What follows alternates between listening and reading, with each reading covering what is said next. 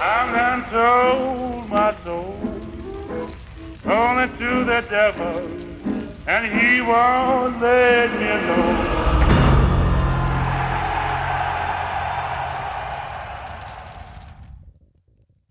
Pæn goddag, og hjertelig velkommen til Djævlepakten, en øh, podcast fra Djævlenes Advokater om Manchester United.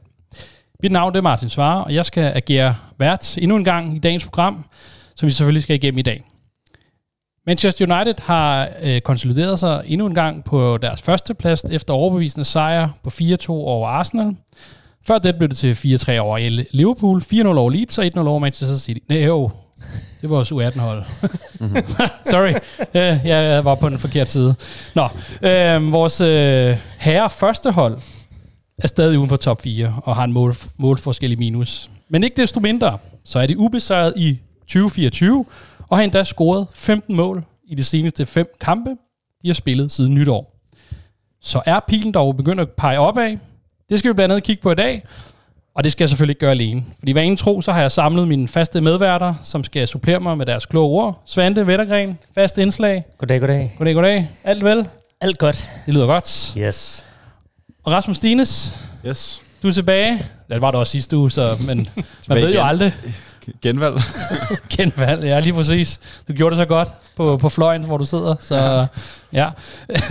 Men inden vi skal i gang, så skal vi jo lige runde vores gode venner fra Pundit Games. Øh, og hvad tro, så er jeg ude og konstruere noget øh, øh, lettere hjemmelavet. Så, øh, men i dag, der skal vi ud i en lidt anden slags quiz, eller hvad det vil sige, det svar, jeg leder efter, skal være lidt anderledes i dag. I skal nemlig rangere disse fire United-spillere, som jeg læser op om lidt, om hvem der har spillet flest kampe for United i Premier League. Spillerne er som følger. Marcus Rashford, Peter Schmeichel, Nicky Butt og John O'Shea.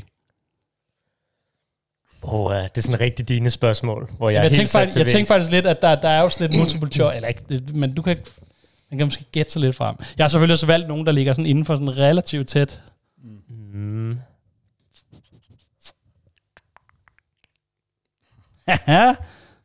Skal I have dem igen? Skal jeg lige... Uh, Schmeichel, Rashford. Michael. Rashford, Butt og O'Shea. Skal vi tage dem i... Uh, eller du nappe dem alene? Er I, er, Nej, er lad os på prøve at hold tage dem sammen? Lad os prøve at tage dem sammen, fordi altså, Okay. det, det der, det ved jeg ikke. Altså, jeg tror, de alle sammen ligger i sådan en spænd mellem 300 og 450 kampe. Øh, 300 til 400 kampe. Øh, de ligger under 300. Det er under 300 Det kampe. er kun i Premier League. det er kun i Premier League. Okay, Okay. Så det skal lige, øh, det skal lige huske. Tror du ikke, har Rashford ikke spillet flere end Schmeichel? Men, altså, vi kan prøve at tage med år, ikke? Altså, Rashford har spillet for, fik debut 16 til 24. Ikke? 24. Ej, han er nede i det mentale arkiv Ja, nu. så det er Ja. 8 år, ikke? Schmeichel, Premier League starter jo i 92, og han stopper i 99, ikke? Ja. Men Ja, okay, han er selvfølgelig... Han er selvfølgelig målmand, men Rashford har også spillet... Altså, altså det, er virkelig, det må virkelig være tæt tid. Ej, har jeg virkelig ramt noget, hvor... Ja. Ja, og så har vi Nicky Butt. Jamen altså, Hvor mange år spillede han? jamen, han skifter i 4. 2004, ja. Ja, og han begyndte vel at spille i 4-95. Men igen, Ja. ja. jeg tror, Butt vil jeg placere som en af de dem længst nede. Må jeg lige stille et opfølgende spørgsmål?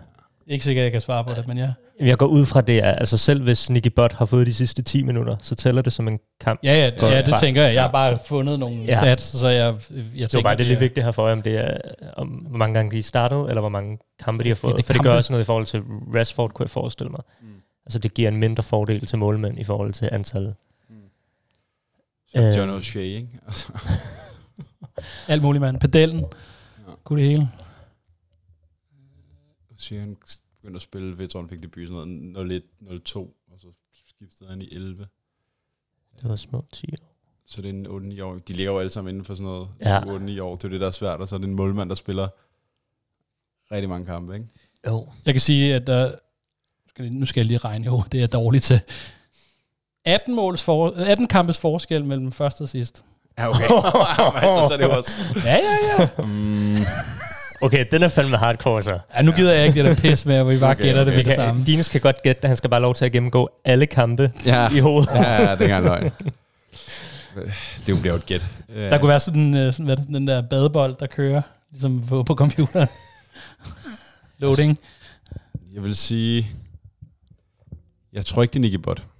Fordi jeg Nej. tror alligevel, han er... Han har spillet, jeg tror heller ikke, det er John O'Shea, fordi de ikke har spillet fast. Ja.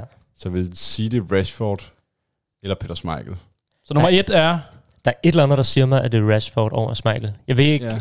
jeg har en idé om, jeg har øh, stødt på et eller andet. Han har også spillet flere år, så altså det, altså han har jo aldrig rigtig haft en, på den måde en alvorlig skade. Nej.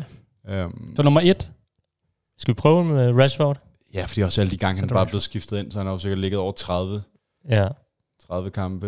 Det kan vi næsten, hvis han ligger 30, hvad har han spillet? 8 år, ikke? Jo. Havde, havde, havde Schmeichel øh, store skader i sin... Øh... Det Øh, han han er- stadig ikke. Jeg synes, der var noget med ryggen.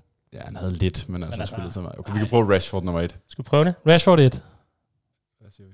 Vi skal lige have, om den er rigtig, ellers er vi... Den er ikke rigtig. Pis. Jeg vidste Svend. jeg har ført dig i uføre. Men så skulle jeg ikke... Altså, når, når det, Martin har sådan twistet, så skulle jeg ikke under, hvad han giver os, og så er det sådan noget Nicky Butt eller sådan noget der, ikke? Der er den mest... Øh... Men han er begyndt at spille i 94. Det, nu, alt det, jeg lige har og sagt her, og så trækker jeg så tilbage nu, ikke? Vi har det på film. Ja. øh, det var også, altså, sådan noget 94 til 4 til 10 år. O'Shea er sådan noget 9 år. O'Shea. Det er også fordi, jeg sidder her og kan ikke gætte det nogle gange, men for Dines rammer den jo virkelig, når... Øh... Ja, det, ja, jeg kan godt se det fine af ham. Ja, Ja, ja, ja. Nå, men altså, det var også, altså, hvad er det, 18 kampe? 18 kampe. 18 kampe spænd. Ja, det- altså, Det er jeg har svært jo at give tænkt mig om jo. Ja. Det skulle ikke... øh, Jeg- Det vil være for nemt, hvis det er Schmeichel. Altså, det tror jeg, det, jeg tænker, at det vil han tænke, at vi tænkte. Så du, ja, okay, at Du jeg tænker, spiller... det psykologisk... Ja, øh, ja, ja han er så usympatisk her. Ja. Når man laver sådan en 18 kampes quiz, det er ikke det. Altså. Jeg Så kan, det- jeg kan komme med en bonusinfo, at uh, Victor Lindeløf spillede sin kamp nummer 250, her i, Ja, ja, så men han er ikke med i... Han er ikke på listen. Ja. Nej. Okay, så det er under 300, men over 250. ja, men det er alle turneringer. Det er jo også det. Det er Ja. kun i Premier League. Over de 250 i alle turneringer Ja. for Lindeløf. Ja, det tror jeg. Ja. Det var bare, så... Jamen, øh, er det. det må det være. Ja. Ja, det er, det er, det er sindssygt. Okay, jeg vil sige, John O'Shea, han spillede sgu så mange pladser. Ja. Kan vi, vi prøver John O'Shea. Det er ham nummer et. Ja. Det er også forkert. Okay, så må det være Schmeichel. Det er også forkert. Nej, der var det, Nicky Butt. det var den, det er Nicky Bot, der har... Nej. Okay, nå, men nu har vi en på plads. Så er en Ja. på plads. Og vi ramte den sgu i fire hug. Det er... Nicky Bot spillede 270 Premier League-kampe. Åh oh, gud, nu, nu starter vi forfra bare med nej, nej, nej. en mulighed, men nu. Skal vi prøve med O'Shea som toer? Det kan vi godt, altså. Det er forkert. Skal vi prøve med Rashford? Ja, Rashford. Rashford er to ja. Yes. Med 261. Okay. Så er der... Så er der 50-50. Okay, nu, nu skal vi ramme den, ikke? Nu er det pinligt Ja. ikke at ramme. John O'Shea, Peter Schmeichel. øhm, Boucher havde flest år i klubben, ikke? Jo, altså han begyndte at spille en rigtig fulde sæson, var i den 2-3, ikke? 3, 4, 5, 6, 7, 8, 9, 10. Der er fire kampes forskel på disse år. Okay. vi siger O'Shea. Ja, vi siger O'Shea. Det er rigtigt nok. John Yes, vi får. med 256, og Schmeichel med 252. Okay. Jeg, var lidt, vi var lidt, jeg havde lidt ret i den der psyko, det, psykoanalyse. Det er jo ikke at smække så meget et der, som man måske vil tænke. Men, uh, Ja, det, jamen, ja, ja, det er måske rent nok. men Jeg okay, den var, den var fandme svær. Havde du prøvet triggers med dem, du havde valgt? Eller har øh, Nej, det eneste, det eneste tænkte, det var, der, der skulle være en, en nuværende. Det var lidt, Ja. ja. det var den, jeg ville have ind. Og så Schmeichel, fordi han var dansker. Ja. Ja. Den, der ligger højst, ikke? Og så de to andre netop det der, men altså, jeg tænkte, de, var, de ville være, måske vel oplyst, at man har taget nogle af de sådan meget etablerede gig, Ja. eller undskyld, Mm. gigs og sådan noget. Men Ja. man tog Nicky Butt og Altså, Jonah Shea, det er sådan lidt... Altså et spread på 18, det kunne næsten godt kunne lave sådan et på, på 100, så kunne det måske ja. Være sådan, man lidt kunne regne det ud, men her der er det jo... Ja. Men skal jeg have, jeg har også lavet et bonusspørgsmål. Okay, kom Det må lidt, lidt, lidt nemmere til, til at gå til. Øh, altså Rashford, han er den nuværende, den i nuværende trup med flest kampe, Ja. men hvem er den, den der har næst flest i den nuværende trup? I nuværende trup. Nuværende trup. Den en aktiv spiller. Og vi, vi er stadig kun i Premier League. Kun i Premier League.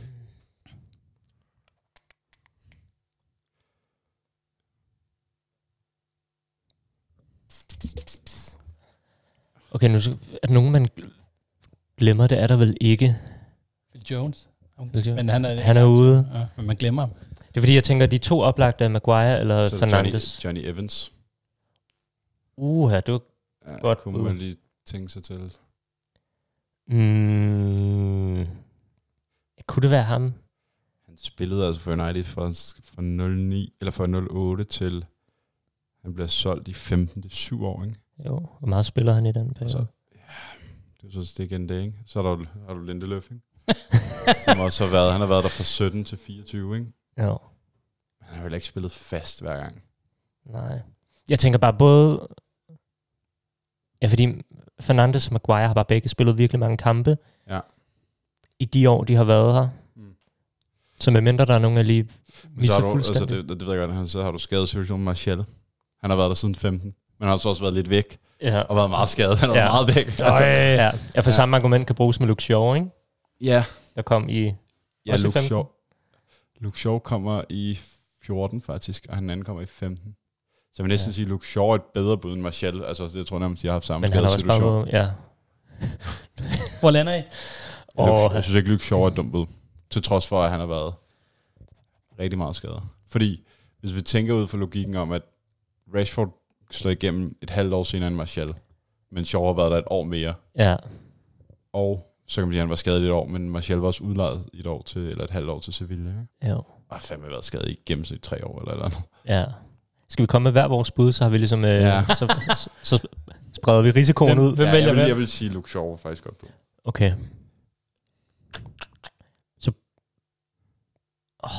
Hey. Hvem var det ellers? Så var det Evans. Det er altså ikke noget skidt bud. Nej, kunne det også godt Jeg prøver Fernandes bare, fordi det var min første indskydelse, og ja. Han har spillet fucking mange kampe. Det er Martial Det er meget Martial. Ja. Okay. med 209. Hvad, hvad har Shaw? Nu skal det Luke Shaw, han, øh, han ligger på tredjepladsen med 189. Og på nummer, f- nummer fjerdepladsen, det er Victor Lindeløf. Er det rigtigt? Hvem, hvem på anden pladsen så? Andenpladsen, det er Martial. Hvem, hvem, Hvem Nå, det var Det er Rashford. Rashford. hvor lang er Evans fra? Han har 145. Okay, det Hvor ligger Maguire og Fernandes? Bruno Fernandes ligger lige over Evans med en kamp mere, 146. Og man sætter Maguire 131 Premier Okay. League kampe. Okay, Martial har alligevel spillet med en show, Shaw, selvom han ja, kom et ja, år ja. senere. Mm. Nå, der fik jeg jer. Ja. må, må, må, må man nok sige. Ja. Så, øh, men gå ind selv ind og øh, find på mere sjov inde på punitgames.dk, hvor vi jo som altid øh, står på mål for øh, rabatkoden Djævlene, hvor man kan få de 20 procent. Er det ikke sådan der? Ja, okay. Lad os så, øh, nu har jeg brugt lang tid på det her, så lad os nu komme i gang med, øh, med, med dagens program.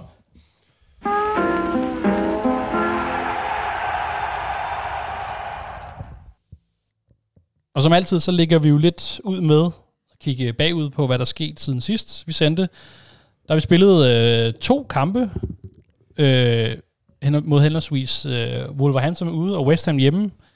Scorede syv mål. Det er helt åndssvagt at sige. øh, og det blev selvfølgelig til to sejre. Øh, er der noget, vi sådan, øh, der lige øh, bonger op på lystavnen, når vi lige, øh, når vi lige kigger bagud med de kampe der? Selvfølgelig, det var, den første var jo det helt sindssyge rutsjebanetur. Mm. Øh, og hvor jeg tænker, Svante, du var, hvornår, hvornår kom du til dig selv? Jamen det, jeg var virkelig op at køre efter det mål. Jeg så den her med Jabs, men, men Jabs var endnu mere op at køre. Han var så meget op at køre, han kom til at savle på mig, efter han kom i scoret. Så havde jeg sådan en fin lille savleplet Nej. på, øh, på skulderen. jeg tror, han havde lige fyldt kæften med popcorn, og så Okay. scorede det, og så, så, så røg det ud over det Så hele med, det hele. med væsker. Nej, hvor dejligt. Ja. Ja. Og, I, og I plejer jo ellers at se, når I ser det samme, så taber det, ikke? Jo, det var det, vi var helt overrasket og tænkte, Ja, det om, sådan om helt, øh, øh, vi har fået i gang sat noget nyt der. Ja. Om vi var nødt til at se alle kampe sammen. Det var ikke Så- tyde på det i hvert fald. Så det var, øh, det var en vild kamp. Ja, det var Altså. en sindssyg kamp, jo. Det var, øh, og vi spillede også bedre i den kamp end mod West Ham, synes jeg. Mm. Lidt mere overbevisende sejr mod West Ham rent resultatmæssigt, Ja. ja. men, Mm. men spillemæssigt tænker jeg, Wolves-kampen måske er den, der har set mest lovende ud i den her sæson. Et vil godt de stykke virkelig tid. Mm. Ja, Øhm, det er nok ikke, altså, jamen, fordi man kan sige, indtil, indtil det gik galt, ja, ja. Så, havde, så havde de jo netop, øh, de var farlige, der var, der var kontrol, der var, altså, der, der var mange af de der, man tjekkede alle boksene, som, mm. øh, som man sidder og kigger efter, ikke? og man gerne vil se. Så, øh, så jo, helt, dem, dem var, dem, dem burde de jo bare have lukket. På, på den måde var West Ham-kampen og Wolves-kampen måske lidt forskellige, fordi mod Wolverhampton havde vi mange chancer, som vi også bræ- brændte. Ja, Mod West Ham var vi lidt mere effektive, altså der fik vi også scoret på de angreb, vi havde, ikke? jo. Og der Øh. havde, man kan sige, der havde modstanderen været der 22 skud på mål. Jeg så i hvert fald lige i dag, at øh, West Ham havde en XG på 1,6. Vi havde en på 0,8. selvom vi vinder 3-0. Ja. Øhm, jeg vil så sige, jeg tror, at, at West Ham havde nogle få chancer, der virkelig bongede ud. Ikke? Altså, øh, Emerson stod vel for, øh, Ja, ja. for to af dem, hvor han øh, fik brændt. Så, så på den måde følger jeg, at selvom at Der var også Leonardo, som så reddede en, en, en, en høj XG-chance, ikke? Det er jo det. Så Ja. på en eller anden måde føler jeg, at, at resultatet ikke var så unfair, selvom man kigger på det XG, fordi det var lidt nogle freak-afslutninger på mm. en Mm. eller anden måde. Ja. Dine, så er der noget, du havde bemærket dig? To sejre i, i, i streg. Det Vi bygger på. Vi går på. Ubesejret i 24. Nej, men altså, enig med Svante der med, at, at kampen mod Wolves var, altså, på mange måder øh, mega fed, fordi vi, vi første 60 minutter spiller vi virkelig godt. Øhm, det vil sige også, at vi havde den kamp, vi så sammen med Chelsea hjemme, hvor vi måske det var mere i dominans også i forhold til, Ja. at vi skabte så mange store chancer. Øhm, jeg ved ikke, om vi gjorde det helt lige så meget mod Wolves, men vi, der var ligesom flere spilmønstre, Mm. synes jeg, og, og, og opbygningsspillet var bedre øhm, i- imod Wolves, som jo var inde i en, inde i en god formkurve, slog Ja. Chelsea Mm. også 4-2. Og de har vist kun tabt en på hjemmebane inden United.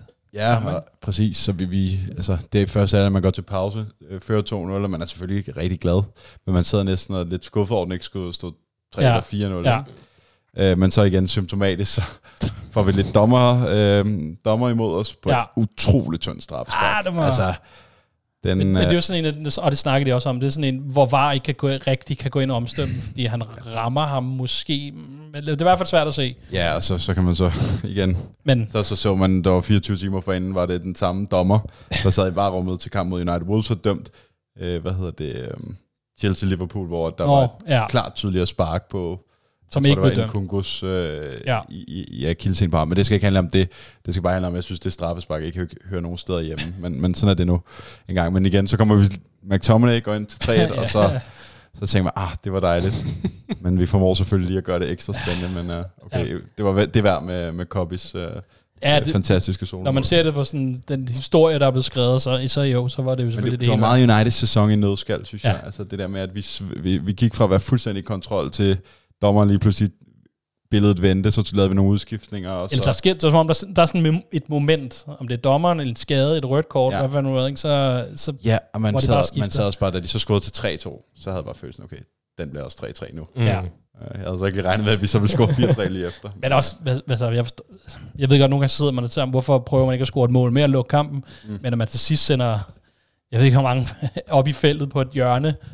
Og jeg, jeg, jeg, synes, jeg, jeg, synes, jeg synes det ofte, at når United har hjørne, altså, så, så indkasserer de mål. Mere farligt for, ja, det er mere, selv. ja. men altså, hvor man sidder sådan lidt, ja, det er selvfølgelig ja. lykkeligt gemt, men øh, ja. Men, men som Svante, det- der så følger vi op mod West Ham, hvor vi egentlig ikke spiller en, en prangende kamp, men, men jeg synes egentlig, vi... Der får vi scoret det første mål, og så får vi scoret det andet mål ret tidligt i anden halvleg mm. punkterer kampen. Det hjælper nok også, at vi er på Old Trafford og ikke øh, øh, på udebane. Mm. Men det mindede lidt om, lidt om sidste sæson, synes jeg. Altså, hvor vi øh, ikke spiller super, men vi er effektive og, Ja. og straffer dem på om nogle omstillinger. Mm. Og øh, som du også siger, det kan godt være, at de har en højere XG, øh, West Ham i den kamp, men jeg havde følelsen af at meget af det kom fra dødbolde. Altså, Ja, ja. Mm. At det var meget indlæg, og det var der, det skulle komme fra. Øh, fordi der var de altså, højere og stærkere. Ja, der os. var de... Jeg tror, de fik skabt 0,3 i åbent spil, så det var helt klart Ja. dødbolde, der Ja. så, stod så for en stor del af det. følelsen af, at de åbne spil der, indtil, altså selvfølgelig en helt punkteret der ved 3-0, men at okay, det, Nej. ligner ikke, de kommer tilbage. Så er der noget med Moyes og indlæg, ikke? Ja, det er det. Der er mange af dem. Og så det der, den fantastiske jubelscene, Mm. Ja, ja. Vigarnachos mål. ja den er ikonisk allerede, ikke? Jo, fordi, men det var også bare fordi, den på en eller anden måde blev symbolet på... Altså, vi har... Hver gang vi har været gode i rigtig lang tid, så har det været afhængigt af Bruno Fernandes og Rashford. Mm. Så når, når det ikke har kørt for dem, så er det ikke kørt for United. Mm. Så det der med lige pludselig at sidde med følelsen af, gud, nu har vi nogle an- andre gutter, som virkelig også har fremtiden foran Ja. sig, det bliver formentlig kun bedre herfra, at de kan gå ind og løfte det og hold afgøre tingene. Og så blev det der billede af dem jo ligesom bare symbolet på, Ja. her har vi en lille kerne af nogle spillere, som lige nu kan være så afgørende, Som og kommer er- til at være her i mange år Ja. fremadrettet, ikke? Jo, ja. det er jo det rigtigt. at Det var meget, øh, ja, som vi siger, ikonisk, og det er netop det, også det, det, den symboliserer, som du er inde på helt rigtigt. Med, Det kan at blive ikonisk i hvert fald. Kan Det kan blive ikonisk. ikonisk. Ja, det er selvfølgelig rigtigt. Nu må tiden nu vise. Men altså, men det her med, at, at, at, at nu er der, øh, jeg har også noteret mig selv, at, at, at, at det var meget Rashfords mål, der skulle redde os sidste sæson. Mm. og han er tydeligvis gået lidt i stå. Nu kan vi snakke om, at der han er kommet lidt gang hjem igen, men, men der var ikke andre rigtigt. Bruno, Bruno Fernandes kunne måske nogle gange lidt, ikke? Men, men at nu er der endelig, endelig nogle andre, man også kan lægge byrden over på. Øh, det, det er opløftende, når man ser det. Nu har vi Højlund, der begynder at komme i scoringsform, Ja. Garnacho, og så Kobe, der sådan ikke behøver, men når vi lige virkelig mangler den, så skal han nok tage den og lige afgøre til sidst. lige altså, præcis. det er også... Øh, Men en, men en, vi skal sætte lupen henover, har vi bestemt os for. Det er jo måske en af dem, som ikke får så meget plads i rampelyset. Det er jo en Diogo Dalot. Øh, jeg var lige inde og kigge, øh, og herop til, hvad, hvad lidt stats. Altså, han har spillet 21 ud af 23 kampe i Premier League. 6 ud af 6 i Champions League. Han har kun han har haft øh, øh, en karantænedag. Øh, og så var der en kamp, hvor han blev skiftet ind. Så det er jo, det er jo kan man sige, det er jo en meget øh, fast mand. Det er kun nogle andre, Bruno Fernandes og Rashford, der har, der har flere kampe, øh, end han har i denne, mm. denne sæson. Øhm, så står også et andet stat, et stat med, at han, han, han, han, han har den højeste tackling-succesrate mm. i hele Premier League i denne sæson for folk, der har lavet 50 eller flere tacklinger, der, har- der har registreret det. Og så kan man sige, så havde han jo også en assist til Garnachos mål. Ja, det er det mål mod Everton. Mm. Øhm, så, så, så det vi lige skal ind og kigge på, det er jo at sige, at øh, altså med udgangspunkt i den her sæson, og de kampe, han, øh, de, i hvert fald her på det seneste, er han begyndt at være en fast mand, en, en mand for fremtiden. mm-hmm. Kunne jeg godt tænke mig at høre, hvad jeres vise ord omkring. Må jeg komme med en påstand, og så vil jeg gerne høre, hvad I tænker om den? Ja, Kom kom ind. ind. Der Er det- Lo har været vores bedste mand i den her sæson. Set over hele sæsonen. Jeg er tilbøjelig til sådan stille og sige ja, Mm. men ikke bedst, fordi han er den bedste fodboldspiller. Men han har været, øh, fordi der er jo sådan mange lagt sammen, gør ham, gør ham til det. Det her med, at han har, han har været, altså han har været alsidig, brugt for flere forskellige pladser. Han har været, han har lagt på i sit spil. Han har, øh, altså, han har spillet så meget, som han har. Han er pålidelig. Øh, selvfølgelig har han haft sine momenter, som ikke er, har været så skønne, men hvem har ikke det?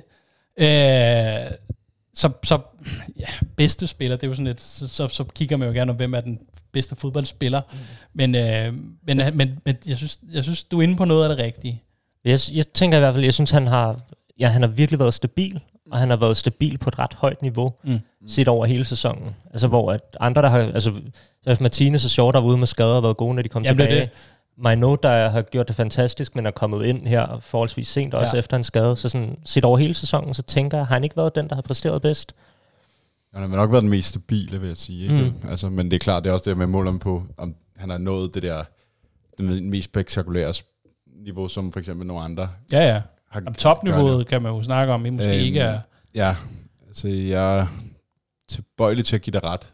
Altså, det er jo lidt, nu er sæsonen jo ikke slut endnu, men jeg synes mm. virkelig også, at han, han går lidt under radaren øhm, på en god måde. Mm. Øhm, fordi det der med ham, det er jo, han er jo ikke lige så spektakulær som en, en One Bissaka i de defensive aktioner, i, i taklingerne.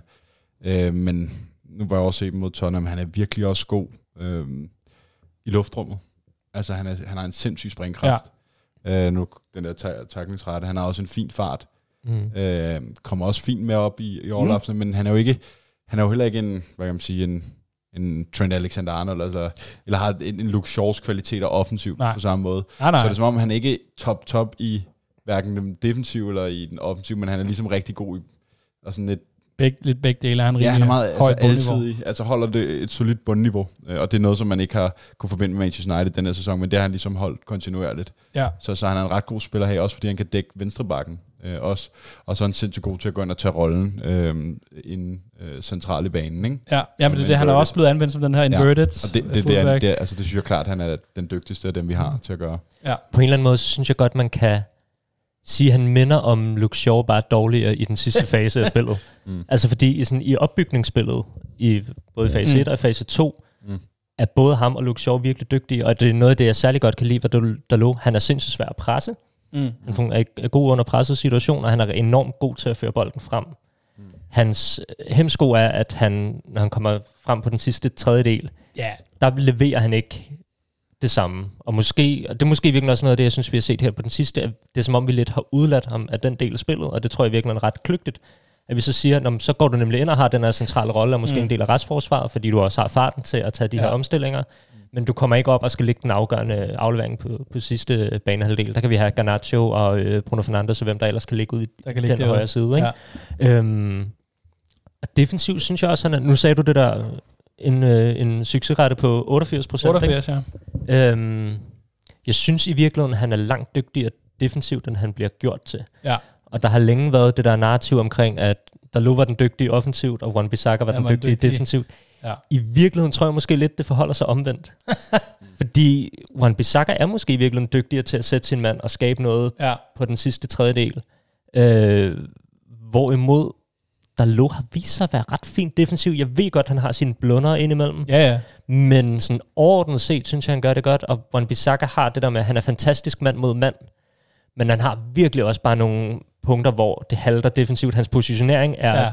Til at lukke op og skide i. Altså, og han er ret let at sætte af, fordi du kan bare isolere ham bredt ud i kampen, og så kan Ja. du spille den rundt om ham og Ja, undgå de der en mod en situationer. Jeg synes også, man kan se, altså der jo ligger en, en udvikling i også, at det, hvor det, jeg ved ikke, hvor langt tilbage det var, men han havde tit fået, det var, det, han var sammen med Bisaka, så var det bagerste stolpe, man bare skulle lægge den, og så. Mm. var der nærmest mål, ikke? Mm. Og det synes jeg ikke, vi har set lige så højt. Der var lidt nu mod FCK, tror jeg, hvor han mistede en mand et par gange. Men, altså, men, men jeg synes, der, at han har lagt, som du siger, han har bygget på det i hvert fald det defensive, men han har gjort det på sådan en lidt, hvad kan man sige, underspillet lidt, sådan, den er ikke, det er ikke så sigtbart, øh, som, som jeg har det med Juan Bissaka, med hans vanvittige glidende taklinger, ikke? Jo. Øhm, og der, det, det, det er jo også noget, man, som er godt, godt i fjernsynet at se. Men den er lidt mere sådan industrielle måde at være forsvarsspiller på, og knokle igennem, og, og lave de her taklinger. Altså, det synes jeg, der synes jeg helt klart, at vi kan se en, en stigende kurve. Det er jo også det, vi skal huske på som fans, det der med, at, at en spiller foretager sig jo vanvittigt mange Jo, jo, ting på en bane, som vi ikke bemærker. Vi bemærker jo det der ekstraordinære. Jeg tror, Ja. det er derfor, Juan Bissaka bliver fremstillet som fantastisk dygtig defensivt, fordi at han er god til det, vi bemærker. Yes. Og han halter måske lidt på de områder, som vi ikke bemærker. Mm. Og, og jeg tror nemlig også, det kan være en årsag til, at der lå under radaren, fordi det, han kan defensivt, bemærker man ikke på samme måde. Mm. Han leverer heller ikke det der offensivt, der gør, man bemærker ham. Nej. Han har den der lidt dårlige, Ja. det dårlige indlæg til Garnacho, som han så får Ja, konverteret ikke mod Everton. Ja. Men, men, men så han, han er ligesom god i de ting, man ikke rigtig. Nej. bemærker helt på samme måde. Og så har han, jeg tror det var Karl Anker, der understregede det, i forhold til det der med at blunde. Han elsker at give high fives efter sine afgørende defensive aktioner. Og der pointerede Karl Anker bare, at han, han jo sådan set begynder på det, inden bolden er røget ud over sidelinjen. ja. Og spillet jo faktisk fortsætter, og han så lige, åh, oh, vi er stadig i gang. Stadig i gang, ja. Øh, og, og det siger måske lidt om, hvordan han har det Ja. defensivt nogle gange, at koncentrationen kan godt ryge Det kan godt i ny ryge. og næ, ikke? Men øh, Dines, der lå, er, er han på vej ud af døren? Er der en, man skal skille sig af med? Eller, eller er der, ligger der faktisk noget substans her, som man... Øh, Nå, jeg synes da helt klart, der ligger noget substans. Ja. Altså, jeg synes ikke, at, øh, at bakpositionerne, øh, fordi han, den vigtigste egenskab, han er heller ikke så ofte øh, skadet. ja, lige præcis. Han har jo altså- spillet rigtig meget. Jeg, jeg, synes, altså, jeg synes nærmest, det er, en, det er en større hemsko over til venstre med Shaw, der er så god, når han spiller, men der efterlader så stort et hul, Mm. når han ikke spiller. Der kan man sætte der over. Ja, det er rigtigt. Det er rigtigt. Øh, Jeg synes måske nok, han er bedst øh, Ja, ja. på højre, på højre bakke. Men nej, men det synes altså, man kan sige, jo, kunne du finde nogen, der var dygtige? Jamen, det kunne du nok godt. Men er det der, du vil måske med et begrænset budget gå ind og sige, det er der, vi skal, skal opgradere til sommer? Mm. Det vil jeg ikke mene. Nej, nej. Jeg tror, der er andre pladser, jeg vil kigge på. Altså, jeg, man, jeg vil også sige, altså en ting er, at der findes klart bedre højrebacks end der lå, men hvor mange højrebacks, der er bedre end der lå, kan vi få ind, som også er tilgængelige? Mm. Altså sådan, ja. det, det tror jeg bliver en sværere Men opgave. også, og så det der med, nu ser jeg lidt sjovt, men at han kan jo også spille venstre, og han kan jo også lidt nogle andre pladser, eller i hvert fald sådan, så jeg ved ikke, om han har været midterforsvaret. Nej. Måske ikke med vilje mm. i Mm. hvert fald. Øh, Hvad hedder det? Men altså, det er jo også en, det er, det er en kompetence, man igen ikke rigtig køber ind efter den her, den her alsidighed, men, men, men den, er, den er værdsat, og især sådan en sæson med mange skader, at han forholdsvis nemt kan sættes over på den modsatte side og spille godt, og det også at holde sit niveau. Og så tror jeg også bare, at det er den her med, øh, den diskussion har vi faktisk haft lige siden Ten Hag kom til, om hvad vigtigst, spiller af høj kvalitet, eller spiller, der passer til Ja. systemet. Og på en eller anden måde er det også lidt sådan en pseudo-diskussion, fordi at vores vurdering af, hvor gode spillere er, afhænger også af, hvor Ja, meget ja. de passer til systemet, Ja. fordi så gør det det bedre. Men jeg tror bare, at det der med Dalot, der er, at han passer altså som fod i hose til det, Ten Hag gerne Mm. vil, netop fordi han er så altid, både i forhold til at kunne spille til venstre og højre, men også både at kunne gå ned og agere i en trebakkæde i opbygningsspillet, gå ind og ligge Ja. centralt, han kan også holde bredden, altså han kan enormt mange ting. Eller i hvert fald god til at tilpasse. Ja, men jeg ved ikke, om han, altså sådan, vil han være en god wingback, som skal stå for det hele Ej, offensivt? der, der er selvfølgelig gram- begrænsninger for, hvad han måske kan. Ja, men, men, men i forhold til de ting, som Ten Hag gerne vil have en bak, Ja. der synes jeg, at Dalot passer sindssygt godt ind i det. Mm. Øh, og det tror jeg for mig gør, at jeg har sådan en... Så, så kan jeg sagtens se ham være dygtig nok, også til at spille på et rigtig godt Premier League-hold, når vi forhåbentlig bliver bedre på et eller andet tidspunkt. Og så Ja. skal man huske, at han er 24. Altså, Er der gode år i ham? Ja, og også i forhold til at være forsvarsspiller, så lærer man også mange ting Mm. i, i de her slut 20 år. Altså, bare tænk på, hvor Kyle Walker var som 24-årig i forhold til, hvor han er nu som Ja, ja, spiller. Ikke? Som 24-årig, der skøjtede han rundt defensivt i, i Spurs, og nu har han en virkelig defensiv rolle i City. Ikke? Altså, øhm, så på den måde er jeg ret optimistisk om, at der lå også en spiller, der kan udvikle sig i de kommende år. Ja, så, øh, men så for lige at vende tilbage. Øh, man har snakket om, at, at, at, at Kobe Manu har nu gjort rent transfermæssigt. Der, der begynder man måske ikke i lige så høj grad at kigge efter. Altså, han har taget en, en, en spiller væk på, på indkøbslisten her, ikke? Mm. Vi behøver ikke Frankie de Jong mere, sikkert. Ja, men så, eller det må du spørge Svante om. øh, men, men at der lå lidt ude i det samme. At, øh, at, at, at banken, som har højere plads, den er røget ned på prioriteringslisten.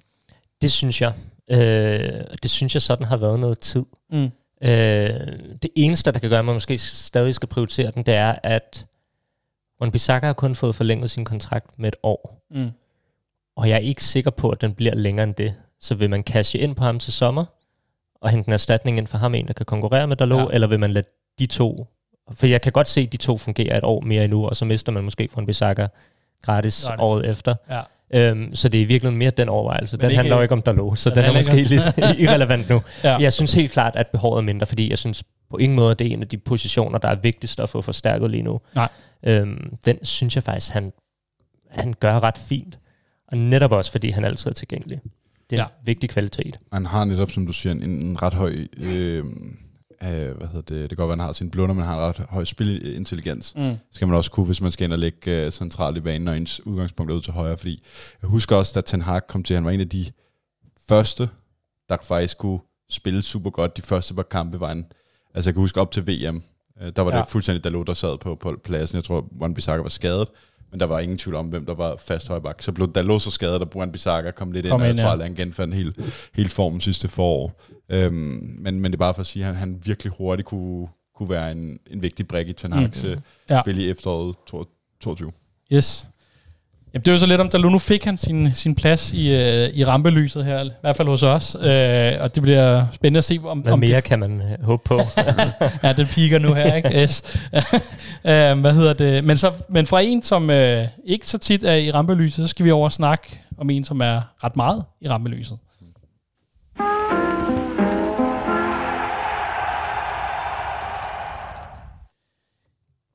Ja, Øhm, hvis I synes godt om os, synes godt om det, vi laver, jamen så, øh, så vil vi også øh, gerne appellere til, at I øh, fortæller andre om det. Det gør man bedst ved at gå ind og give stjerner og hjerter og hvad man ellers skal finde af sjove figurer. Øhm, men altså, øh, øh, gå ind og, og, og, og sig, hvis du synes, det er godt. vil også sige, hvis du ikke synes, der er noget, der mangler. Noget, der ikke er så godt. Så vi kan tage det med. Og det, det hjælper også med ligesom at få, får spredt det glade budskab, at, øh, at vi prøver at sidde her og mødes en gang imellem og snakke sammen om United. Øhm, så gå ind på, hvor end I henter jeres podcast og, og, og, og gør det, så vi, bliver vi rigtig, rigtig glade. Og vi læser dem og deler dem i vores øh, fælles tråd, og, og synes, det er rigtig hyggeligt og dejligt at få, at få ro selvfølgelig. Men så er også til os, hvis der er noget, vi skal gøre bedre. Det prøver vi i hvert fald på. Men uh, lad os hoppe videre til dagens hovedemne. Som jeg sagde, en, der er lidt mere i rampelyset, eller i hvert fald begyndt at blive det mere og mere, det er vores gode danske ven. Og din navnebror, Dines, Rasmus Højland. Mm. Øh, og vi, vi kan sige, jamen han er, han er mere eller mindre i topform. Han har lavet fem mål i de seneste fem kampe. Der er gået hul på bylden, mm. som man siger. Øh, og vi skal ligesom kigge på, om øh, okay, er, det, er, det, er han bare inde i en lille stime, eller begynder der ligesom at materialisere sig noget, som, øh, som, øh, som er brugbart her. Øhm, ja, den gode Højlund, han er, han er kommet i gang, og vi alle sammen sidder med Dannebro og vifter derhjemme i sofaen, når det, når det sker, men, øh, men er han, altså, som, så han er lige fyldt 21, og angriber for en af verdens største klubber i en af verdens største ligaer. Er det, øh, er det nu, vi ser ham tage afsted? Skyde afsted, må nok jeg sige. Eller Eller hvordan er det når det er sådan en ung angriber? Øhm, altså, jeg synes virkelig, det er, det er Højlund gang i en, i en rigtig, rigtig god sæson. Mm. Øhm, og, og man kan sige, hvis vi havde snakket for lidt over en måned siden, så vi siddet og selvfølgelig diskuteret hans, hans manglende mål, men jeg synes, det der har været kendetegnet Ja. i langt størstedelen, det er, at han har øh, faktisk i hans første sæson på et hold, der ikke har spillet særlig godt, været mm. en af de mest, ja, nu snakker vi stabile og fremtrædende spillere. Ja. Øhm, og nu er det så også begyndt at blive lagt mål på, og det er jo så endnu bedre. Det tror jeg også løfter hans, øh, altså højner hans selvtillid øh, helt naturligt. Mm. Øh, og man ikke snakker om, at han ikke har fået scoret i Premier League og så videre, så videre, så videre. Og 10 mål i alle turneringer nu. Øh, altså, jeg tror godt, han kan ramme et sted mellem 15 og 20 øh, sæsonmål, hvis man tager det hele med. Ja. Det synes jeg egentlig er ret imponerende i, i, på det hold, han har spillet for, øh, hvis han når det. Og øh, hvor lidt han er blevet sat op. Så jeg synes, jeg synes klart, der skulle være noget tilvændingstid. Han var virkelig vild, da han kom i starten. Så var der en periode, hvor det faldt lidt. Men vi glemmer altså også, at han først i går fyldte, øh, fyldte 21 år og spillede Ja. på et hold, der virkelig har slidt med at skabe chancer og dominere og så videre, Ja. så videre, og så videre. Altså, men nu, nu kan man se, er det jo ikke så ens for alle, men han kom jo også ind skadet, og der var ikke nogen preseason. Mm. Og på et United-hold, som på ingen måde fungerede, øh, at den optur, er det mere, skal vi, hvor meget skal vi tillægge ham selv den? Eller skal man sige, at det, det er bare sådan, vinden blæser lige nu for United, og det er han del af? Mm. Begge dele. Godt svar. Kan jeg svare godt det? Svar, ja. Det kan Din podcast, skulle til at sige, så det, det gør du bare. Øhm, jamen forstået på den måde, at nu har jeg været inde og nørde øh, hans tal i dag.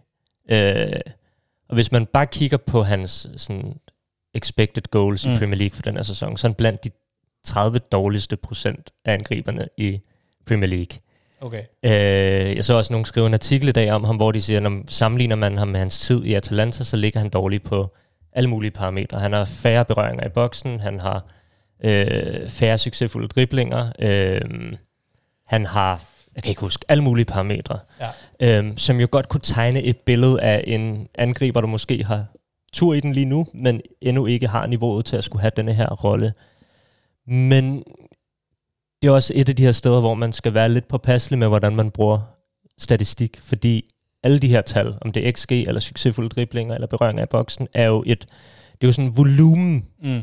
øh, tal. Volume game. Ja. Øhm, hvorimod, hvis man så kigger på for eksempel hans, øh, altså hvor mange af hans afslutninger, der rammer mål, øh, hvor mange mål han har per afslutning, og hvad Ja. hans expected goals er per afslutning, altså de her som et gennemsnit af hans samlede øh, aktioner, så ligger han faktisk til at være sådan over middel eller blandt nogle af de dygtigste Ja. angriber i Premier League. Og det jeg virkelig tror, der er med det, det er, at det tegner jo et billede af, at når hans aktioner som individuel spiller er ret god kvalitet. Mm. Han har også gennemsnitligt afslutter han ret tæt på mål, hvilket er fornuftigt, fordi så scorer man oftere. så, så er du tættere på. øhm, Øhm, så det, der måske i virkeligheden har været problemet, er, at han har spillet på et hold, der virkelig har været rædderligt, som ikke har kunne dominere kampene. Mm. og som ikke har kunne skabe nok chancer. Øh, men det, der måske vil ske, er, at hvis United begynder at præstere bedre og skabe flere chancer, jamen, så hvis han holder samme sådan, konverteringsrate, ja, så vil antallet af mål også stige okay. automatisk. Ja. Øhm, fordi hvis han havde, nu prøver jeg bare, Liverpool er det hold, der har flest skud i den her sæson.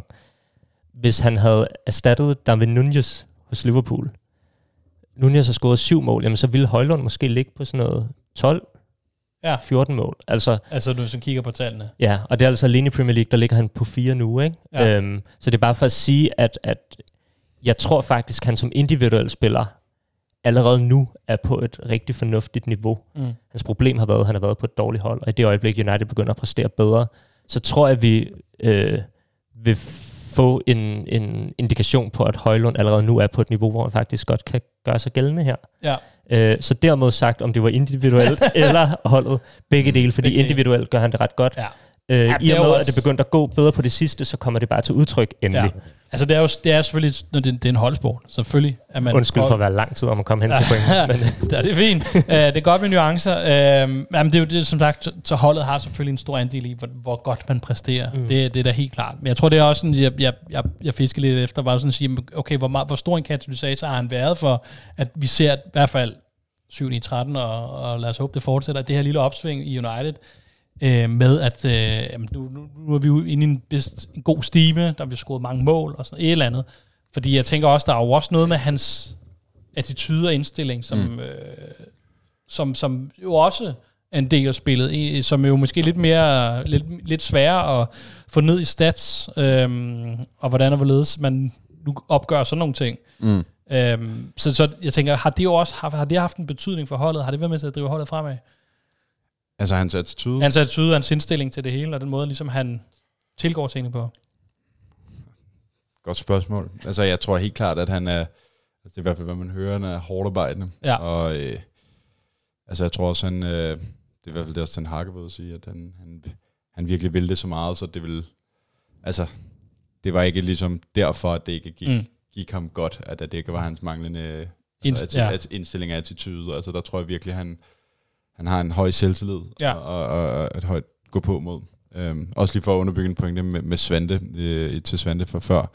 Øhm, det synes jeg er jo et af dataen, men man har også helt tydeligt kunne se, at, at der har været noget tilvænning, at det glemmer man lidt i det her, når man tager en spiller og rykker fra en anden liga, der ikke har haft en preseason der, men altså, hvordan indgår han lige med Marcus Rashford og Garnacho og Anthony i, en- i en offensiv. Det er helt tydeligt, der har været noget, at de lige skulle finde ud af, hvordan og hvorledes de skal spille mm. ham og, og finde ja. ham. Øhm, øh, fordi der synes jeg, det har været tydeligt, at man ser, at han ikke har fået nok service. Altså det Ja, ja. ikke bare holdet har været dårligt, men de har også været dårlige til Det har i hvert fald været en historie, der ligesom har kørt rundt omkring ham øh, øh, i de perioder, hvor han ikke har scoret mål. Ja, lige præcis. Ikke? Øhm, og så s- man skal bare sige, at øh, udover det, så, så hans, altså, de mål, han har scoret her på det sidste, øh, har virkelig været høj kvalitet. Nu så Mm. mm. vi det mod West Ham. Jeg var også imod Tottenham øh, forleden. Øh, også det mod Aston Villa. Ja. Det er altså ikke Mm. bare mål, hvor han du ved, prikker den ind de sidste Nej, det er ikke uh, tab-in, som vi kalder tabins. det. Altså det er sådan Erling Haaland-like, Mm. og det er nærmest også bare chancer, der ikke er kommet ud af ingenting. Ja. Så der er stadig noget der, der kan blive bygget på, hvis holdet bliver bedre. Mm. Ikke? Men selv, det var mod Wolverhampton, ikke, hvor han scorede det der mål, hvor han lå mellem øh, forsvarsspillerens ben Jo, og jo, jo. jublede. Altså selv sådan nogle mål er også bare, selvom de, det er tabins og sådan lette, er de enormt vigtige, fordi vi heller ikke har haft den angriber rigtigt. Jo, vi havde det lidt i Cavani, ikke, der også Jo. Mm. kunne score de der grimme mål og turde hoppe med hovedet først og sådan noget. Mm. Men det er virkelig noget, man har savnet med Martial, fordi han aldrig kom ind og ramte de der bolde. Øh, og det er bare sådan nogle øh, positioner, hvor der er stor chance for at score, Mm. mm. så det er virkelig vigtigt at have en angriber, der jagter de der områder, som Højlund gør det. Jamen, grunden til, at jeg også spurgte til hans indstilling, det er jo netop derfor, at vi, vi kigger på, på perlerækken af angriber, der har været mm. i den senere tid. Øh, Ronaldo, nævnte selv Cavani, øhm, Weghorst, måske øh, indstillingsmæssigt noget af det samme, kvalitetsmæssigt overhovedet ikke, øh, det ved jeg ikke. Men, men der er nogle af de her, altså, øh, altså, jeg synes bare, det er interessant at se i, at den der agerighed, eller den der, den, der- den der vilje til, sådan, at han skal, han skal indgå spillet, han står jo ikke bare deroppe og Mm. venter. Mm. Øh, han har i hvert fald været, synes jeg i hvert fald, det kan godt være, det er sådan en del af den udvikling, der er sket, som du også snakker om, den der øh, for, øh, forbindelse, der er mellem angriberne, at han indgår meget mere i spillet, i hvert fald når vi her på de ser, kigger på de seneste kampe. Mm. Og han modtager bolden længere nede, og, og Men han sagde det jo mod Wolves, at ja. efter kampen, det er, at han også altså, havde skulle bruge noget tilvænding, fordi han sagde, at det går bare hurtigere i Premier Ja, ja. League. Og, og du ved, jeg tror bare, at de der, når du ligesom lærer at finde ind i, i tempoet fuldstændig i kraft af, at holdet bliver bedre, så er det også så begynder han ligesom også at blive en meget mere dominerende faktor. Og det er jo netop det, jeg synes, der er så fedt ved ham, det er, nu nævner du de angriber, det de alle sammen har til fælles. Øh, Martial, det er jo de alle sammen har været op i årene og ikke været særlig mobile, men du har en Højlund, der både har det fysiske og mobil og farlige kontraspillet, ja. men han er der også inde i boksen og- og derinde, hvor det gør ondt. Mm. Og så er han en sindssygt dygtig afslutter. Så han har Ja. virkelig, virkelig en spændende pakke, hvis Ja. man kan bygge ham på. Og noget, man, jeg var lidt bange for, det var i starten, okay, han bare for meget en, en, en omstillingsspiller, øh, der skal bruge, bruge Mm. mm. plads i bagrummet. Men jeg synes, når man ser øh, i særdeleshed det mål, han scorer mod, mod Wolves, og de løb, han tager, øh, som ofte mod Force, hvor den ikke bliver slået ind, jamen, øh, så synes jeg, så, så, så, så er jeg sikker på, at det nok skal enten give mål til ham, men ellers sige til hans medspillere, fordi det skaber så meget plads. Ja. Og det er sindssygt positivt som hold. Og en anden positiv ting ved ham, det er altså det her med hans generelle spil, altså selv når han ikke scorer mål, så er han bare enormt vigtig for vores Mm. spil, fordi han hele tiden vil indgå i det, han kæmper enormt hårdt, og sådan, så, så der har jo ikke været noget på noget tidspunkt i den her sæson, selv når målene ikke er kommet, Nej.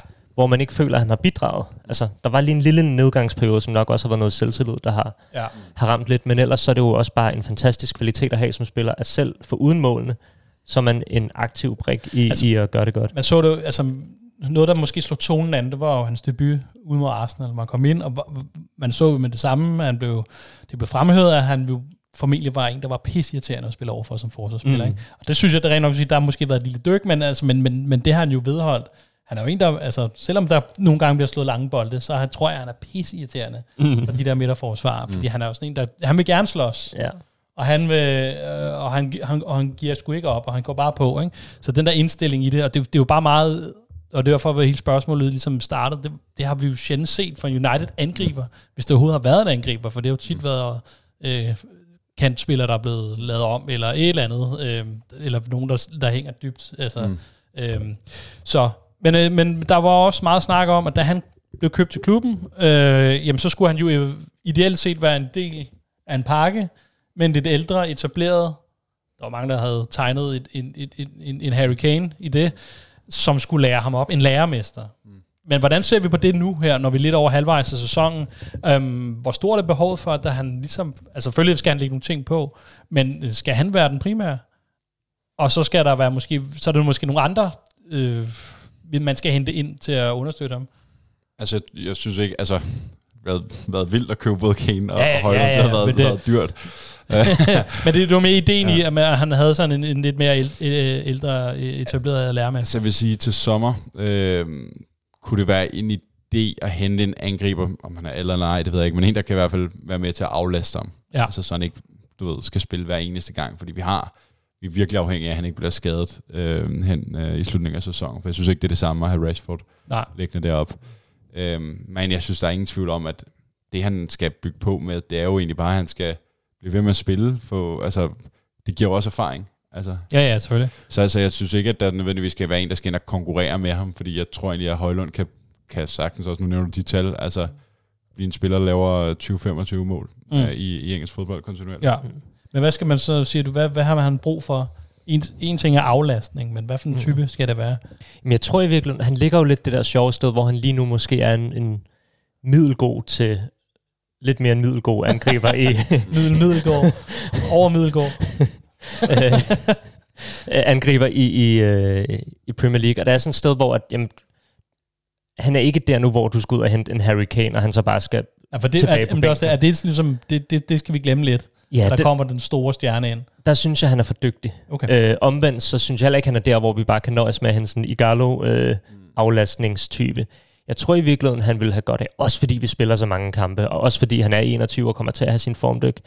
Altså måske have en, og alderen er måske mindre vigtig, men en, der er nogenlunde på samme niveau, som kan gå ind og konkurrere med ham. Øh, og måske ville der være noget fornuftigt at prøve at hente en eller anden Premier League-spiller, som ikke behøver hele den her Men tilvændingsperiode. skal det være sådan lidt, altså lidt det der, en ældre, erfaren, en, der kender spillet, kender ligaen? Øh, jamen, hvad der er. det, det behøver ikke nødvendigvis være en, der er ældre, men, men jeg tror måske, det vil være noget fornuftigt en, der kender ligaen. Altså det kan både være øh, der er, øh, Solanke, der gør det godt i Bournemouth nu.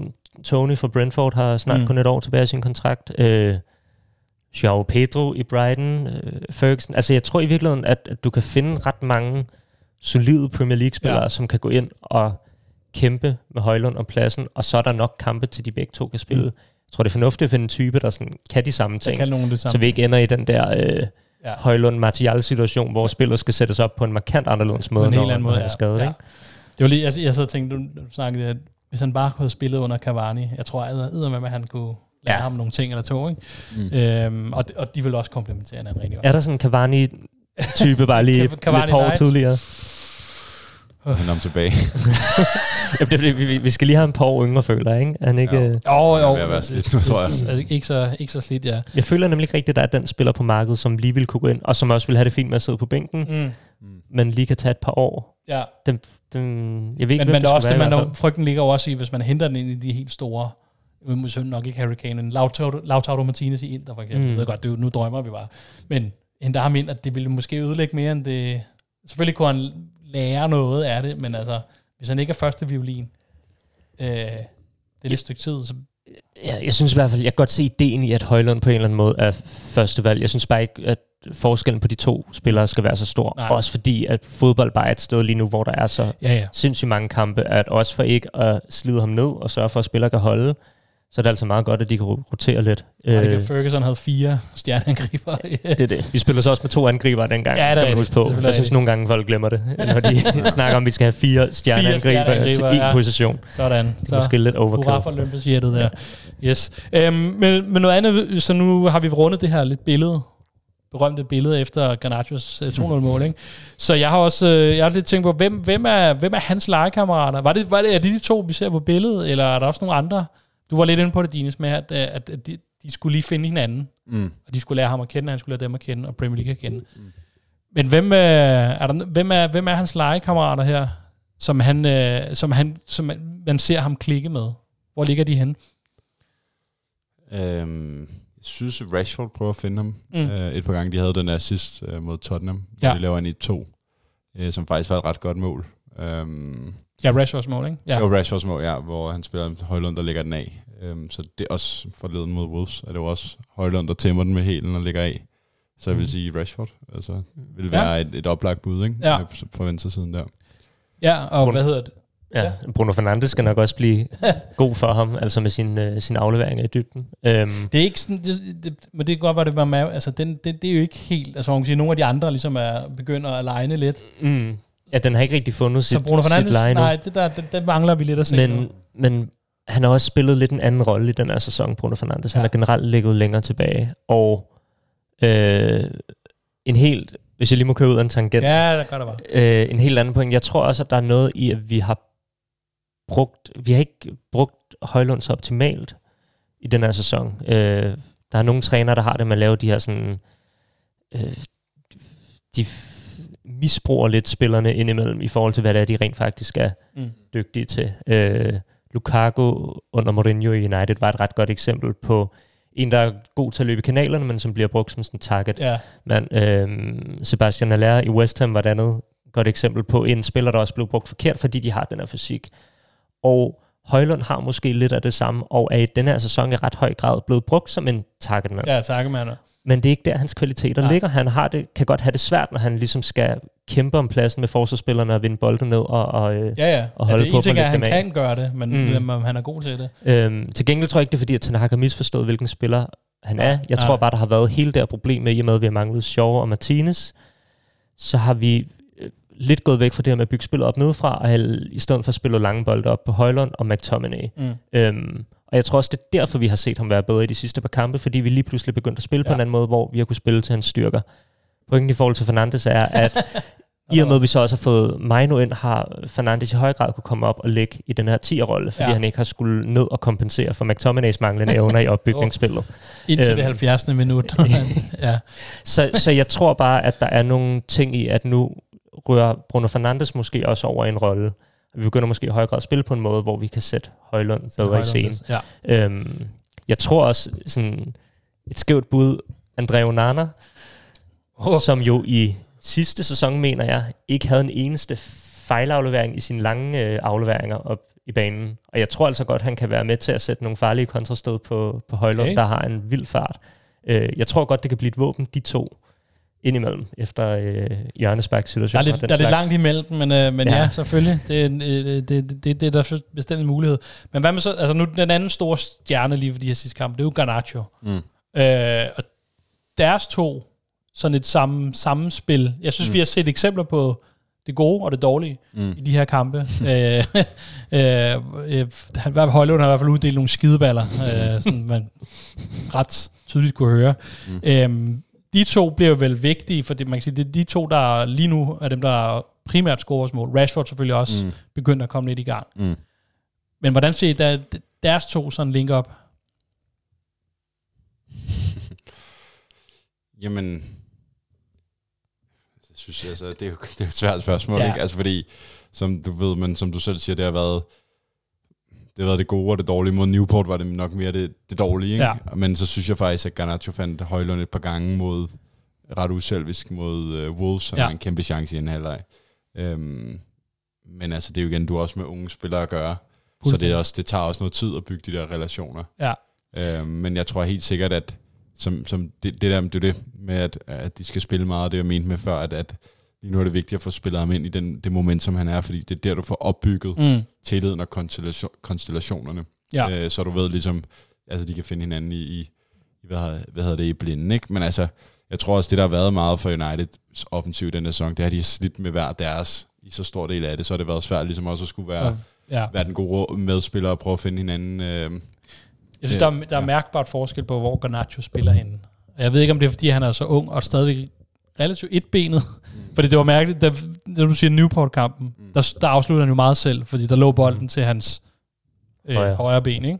Jeg ved ikke, af grund, det- men det virker som om, at de kampe, hvor han ligger på højre kant, mm. der er han meget mere tilbøjelig. Der har det sværere for ham at afslutte på mål af en eller anden grund. Mm. Så der, der vil han automatisk ligge den ind over. Jeg ved ikke, om det er, så, det er for simplet måde at se det på. Men jeg synes, der, jeg synes, der er bare, der, der, altså, det, det opleves i hvert fald sådan, at der er tydelig forskel på, hvor Garnacho ligger hen i forhold til det her mm. øh, link-up, de har. Mm. Men det, jeg synes, der må vi sige, hvor de komplementerer hinanden godt, at, at, at på nogle punkter, der, at de ligner hinanden, det er jo den her lidt ivrighed, mm. som vi kan se, der, som Garnacho har lagt på. Mm. Øh, der minder han jo meget om Højland, altså det her med, at de jagter bolden mm. nærmest hele tiden, og bliver ved, og bliver ved, og bliver ved med at prøve. Og ikke, som vi har set med andre, som hvis det ikke øh, lykkes de første to gange, jamen så så går luften lidt ud af spillerne. Ikke? De to især, synes jeg, mm. er med til at drive en eller anden form for, kan man sige, i hvert fald sådan en, hvad kan man sige, sådan en, en eller anden offensiv øh, bølge, øh, som, som, som, som øh, nu skal man passe på, at man ikke for meget af de her kampe, men, men som i hvert fald har lagt tonen for noget af det positive offensive spil, vi har set. Mm. Det synes jeg helt klart er med til, de, mm. ligger, ligger de to, øh, der, der, der er årsagen til Er det. det ikke dig, der har kaldt det for guldfiskhukommelsen før, for Garnacho, tror jeg? det der Jo. med, uanset hvor mange gange man fejler, så har man glemt det, man skal ud i næste aktion, og så går man bare på så igen. går man ikke? bare på igen. Ja. Det er jo en fed kvalitet at have nogle gange, Ja. ikke? Det kan også være frustrerende. Men, Ja, ja. men øh, jeg tror helt klart, det kan være med til at drive noget, det der med, at man bare bliver ved og ved og ved og ved det gør og de ved med at begge to. prøve. Ja. Det synes jeg, der, der komplementerer det. Hvor, hvor vi siger, Rashford har måske stået, i hvert fald en del af sæsonen, for noget af det andet, mm. hvor, han, hvor han er lidt opgivende. så også, at det er uden, uden bold, lige- altså med Garnacho og Højlund, det mister de også altså, i offensiven. Øhm, Ja. I særklasse, særligt i forhold til, nu gennemgik vi dem sidst, i forhold til Rashford. Altså der er Mm. det virkelig tydeligt at, at se, at, at, at, at de, de også bidrager Mm. mm. positivt i presspillet og energien, der bliver lagt øh, til at generobre bolde Ja. øh, øh, højt. Øhm, så der, der synes jeg også, at der, der, bliver, der bliver lagt på. Øhm, så jeg er helt enig. Altså de, det er lige nu dem, der, der dem Ja, er det og mig nu, der faktisk er så billedet i går. Er det der- fremtiden, vi kigger ind i? det kan du sagtens være. Altså, jeg også, man skal også passe på med ja. at, at, sige, okay, så sidder vi her, og så øh, for, for en måned siden, havde, halvanden måned siden, havde han ikke scoret det ene til Premier League-mål. Der begyndte man at tænke, okay, er det måske et for stort et niveau Mm. øh, for Højlund, og, og Garnacho har stadig meget at lære, og meget at bygge på. Ja. Men jeg, jeg tror, den der selvtillid, og sådan, altså, på grænsen til nærmest det lidt naive, at, at de bare bliver ved og ved og ved. Altså, Ja. nogle gange måske også, altså, det vil komme med årene, det her med, at man, man måske ved, hvornår man skal slå en aflevering, når man skal, man skal afslutte Ja, selv selvfølgelig. det bliver bygget på, men, men det er det, der også er med til at gøre, at de, de udvikler sig og lærer de fejl. Mm. Øh, fordi det har man også set med, med andre yngre spillere. Ja. Øh, United, der er blevet store. Og så tror jeg i forhold til de to samarbejde, jeg har en eller anden, et indtryk af, at de er også ret gode venner, eller i hvert fald ved at blive det, og det, tænker, det, det er også en Ja, ja, faktor ja, i det, at hvis man har enormt meget med hinanden at gøre uden for banen, så får man også bare en connection, der gør, at man måske har lettere ved at finde hinanden, når man så Ja, ja. spiller på banen. Det, det er tydeligt nok, altså det bedste eksempel er vel Jorge Cole, som virker Mm. mm. som om, at de, mm. de, de også havde sådan et nært venskab øh, øh, imellem sig, ikke? Men, øh, og ikke kun var kollegaer på banen. Øhm, så øh, ja, det er, i hvert fald, øh, det er i hvert fald interessant at se, hvem- altså nu har vi snakket om, hvem de skal hive ind. For der, vi er vel enige om, at der skal ske et eller andet, fordi også fordi vi tænker Martial, Der skal uden tvivl en angriber ind. der skal uden tvivl en angriber Mm. ind. Men i hvert fald, det kan være, at vi kommer ind på det, når vi øh, nærmer os en eller anden form for transfervindue. Det kunne være. Men jeg tror i hvert fald, altså, altså sådan, Højlund er fremtidens mand, men jeg tror også, han er god nok her og nu til at spille en ret markant rolle. ja. Vi skal bare have en ind, fordi det skal man. Vi skal have to dygtige på den Og position, vi er når vi spiller for, så mange det, kampe. det, det, man ser sig lidt blind på det, for nu, nu, er, der jo, nu er der en succes. Det tror jeg, altså, men det, men det er mere, fordi jeg har den der med, jeg synes, han, altså sådan, kvaliteten af hans enkelte aktioner virker til at være så høj, at det ja. Ja. er bare et spørgsmål om at få skruet volumen op, Mm. så skal det nok se fornuftigt ud. Fordi Ja. ja. kan han, vil han allerede i denne her sæson på nuværende tidspunkt ligge på 12 mål for et velfungerende Premier League-hold, så kan jeg kun se, at det i næste sæson skulle være bedre. Og hvis han begynder at ramme de der små 20 mål i en Premier League-sæson, så er han altså dygtig nok. Helt sikkert. Øh, spændende at følge vores gode ven derovre. Men øh, nu tager vi lige en lille pause, og så tager vi videre til et kig i kalenderen.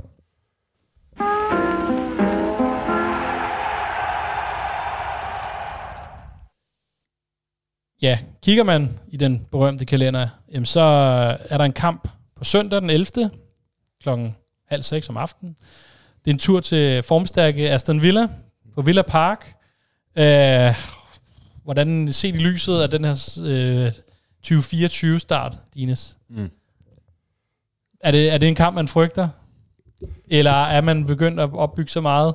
Selv vi snakkede lidt om det, det her med, at man har mm. været for vane, at når, hver gang man ser en god præstation, mm. så glæder man sig lidt for meget, og så bliver man hurtigt skuffet, ikke? Ja. Altså, jeg vil sige, at... Øh, både ja og nej. Fordi man kan sige... Fedt. fordi jeg har det sådan, at... Man kan sige, for en uge siden, hvis du havde spurgt mig, så havde man nok tænkt, åh, oh, det bliver nok en, en, Ja. Endnu en, en svær kamp, hvor United måske taber. Øh, men nu har man jo fået bygget lidt selvtillid. Nu nævner det, at vi er ubesejret 2024 og vundet to i streg, og Mm. dog selvfølgelig med forskellige præstationer. Øh, og så tror jeg, for det positive, at, at Aston Villa, det så vi på Old Trafford, at det er et hold, der godt kunne lægge ret godt til os, fordi de står med en ret høj bagkæde, Mm. og der har vi tre hurtige øh, frontløber, hvor der er Bruno Fernandes, øh, eller hvem der nu ellers spiller øh, på midtbanen, kan finde dem. Ja. Øh, så jeg er ret sikker på, at den også skal blive en ret underholdende kamp. Mm. Øh, Men jeg også, hvad ser du chance, altså United chancer i den? Den ser du som rimelig gode. Lidt, lidt, altså, faktisk lidt som vi snakker om den sidste kamp, at de står meget godt. Ja, de står godt til United, og sådan, Villa sådan lige sådan, hvis de står med den høje bagkæde. Det kan være, de har lært lidt jo øhm, for sidst. Det burde, man, det burde de måske kigge på. Og til gengæld er selvfølgelig, at vi jo lidt ramt af, at Martinez Oh, ja. ja. er blevet skadet. Øhm, det har nok også været medvirkende til, at vi har set bedre ud til at, øhm, i, den, i, i, i, i, i det opbyggende spil. ja for, hvad fik han? Han har fået to og en halv kamp, ikke? Mere jo, eller mindre, jo, jo, Mm. ja. siden han kom tilbage. Ja. Jeg kan rykke kigge ud af det 70 minutter eller sådan noget. Næsten tre Ja, kampe, ikke? kring. Ja, Ja, og den første, der blev han også. Han Ja, blev taget ud efter han en er blevet times taget ud i alle sammen, tror Ja. jeg. Ja.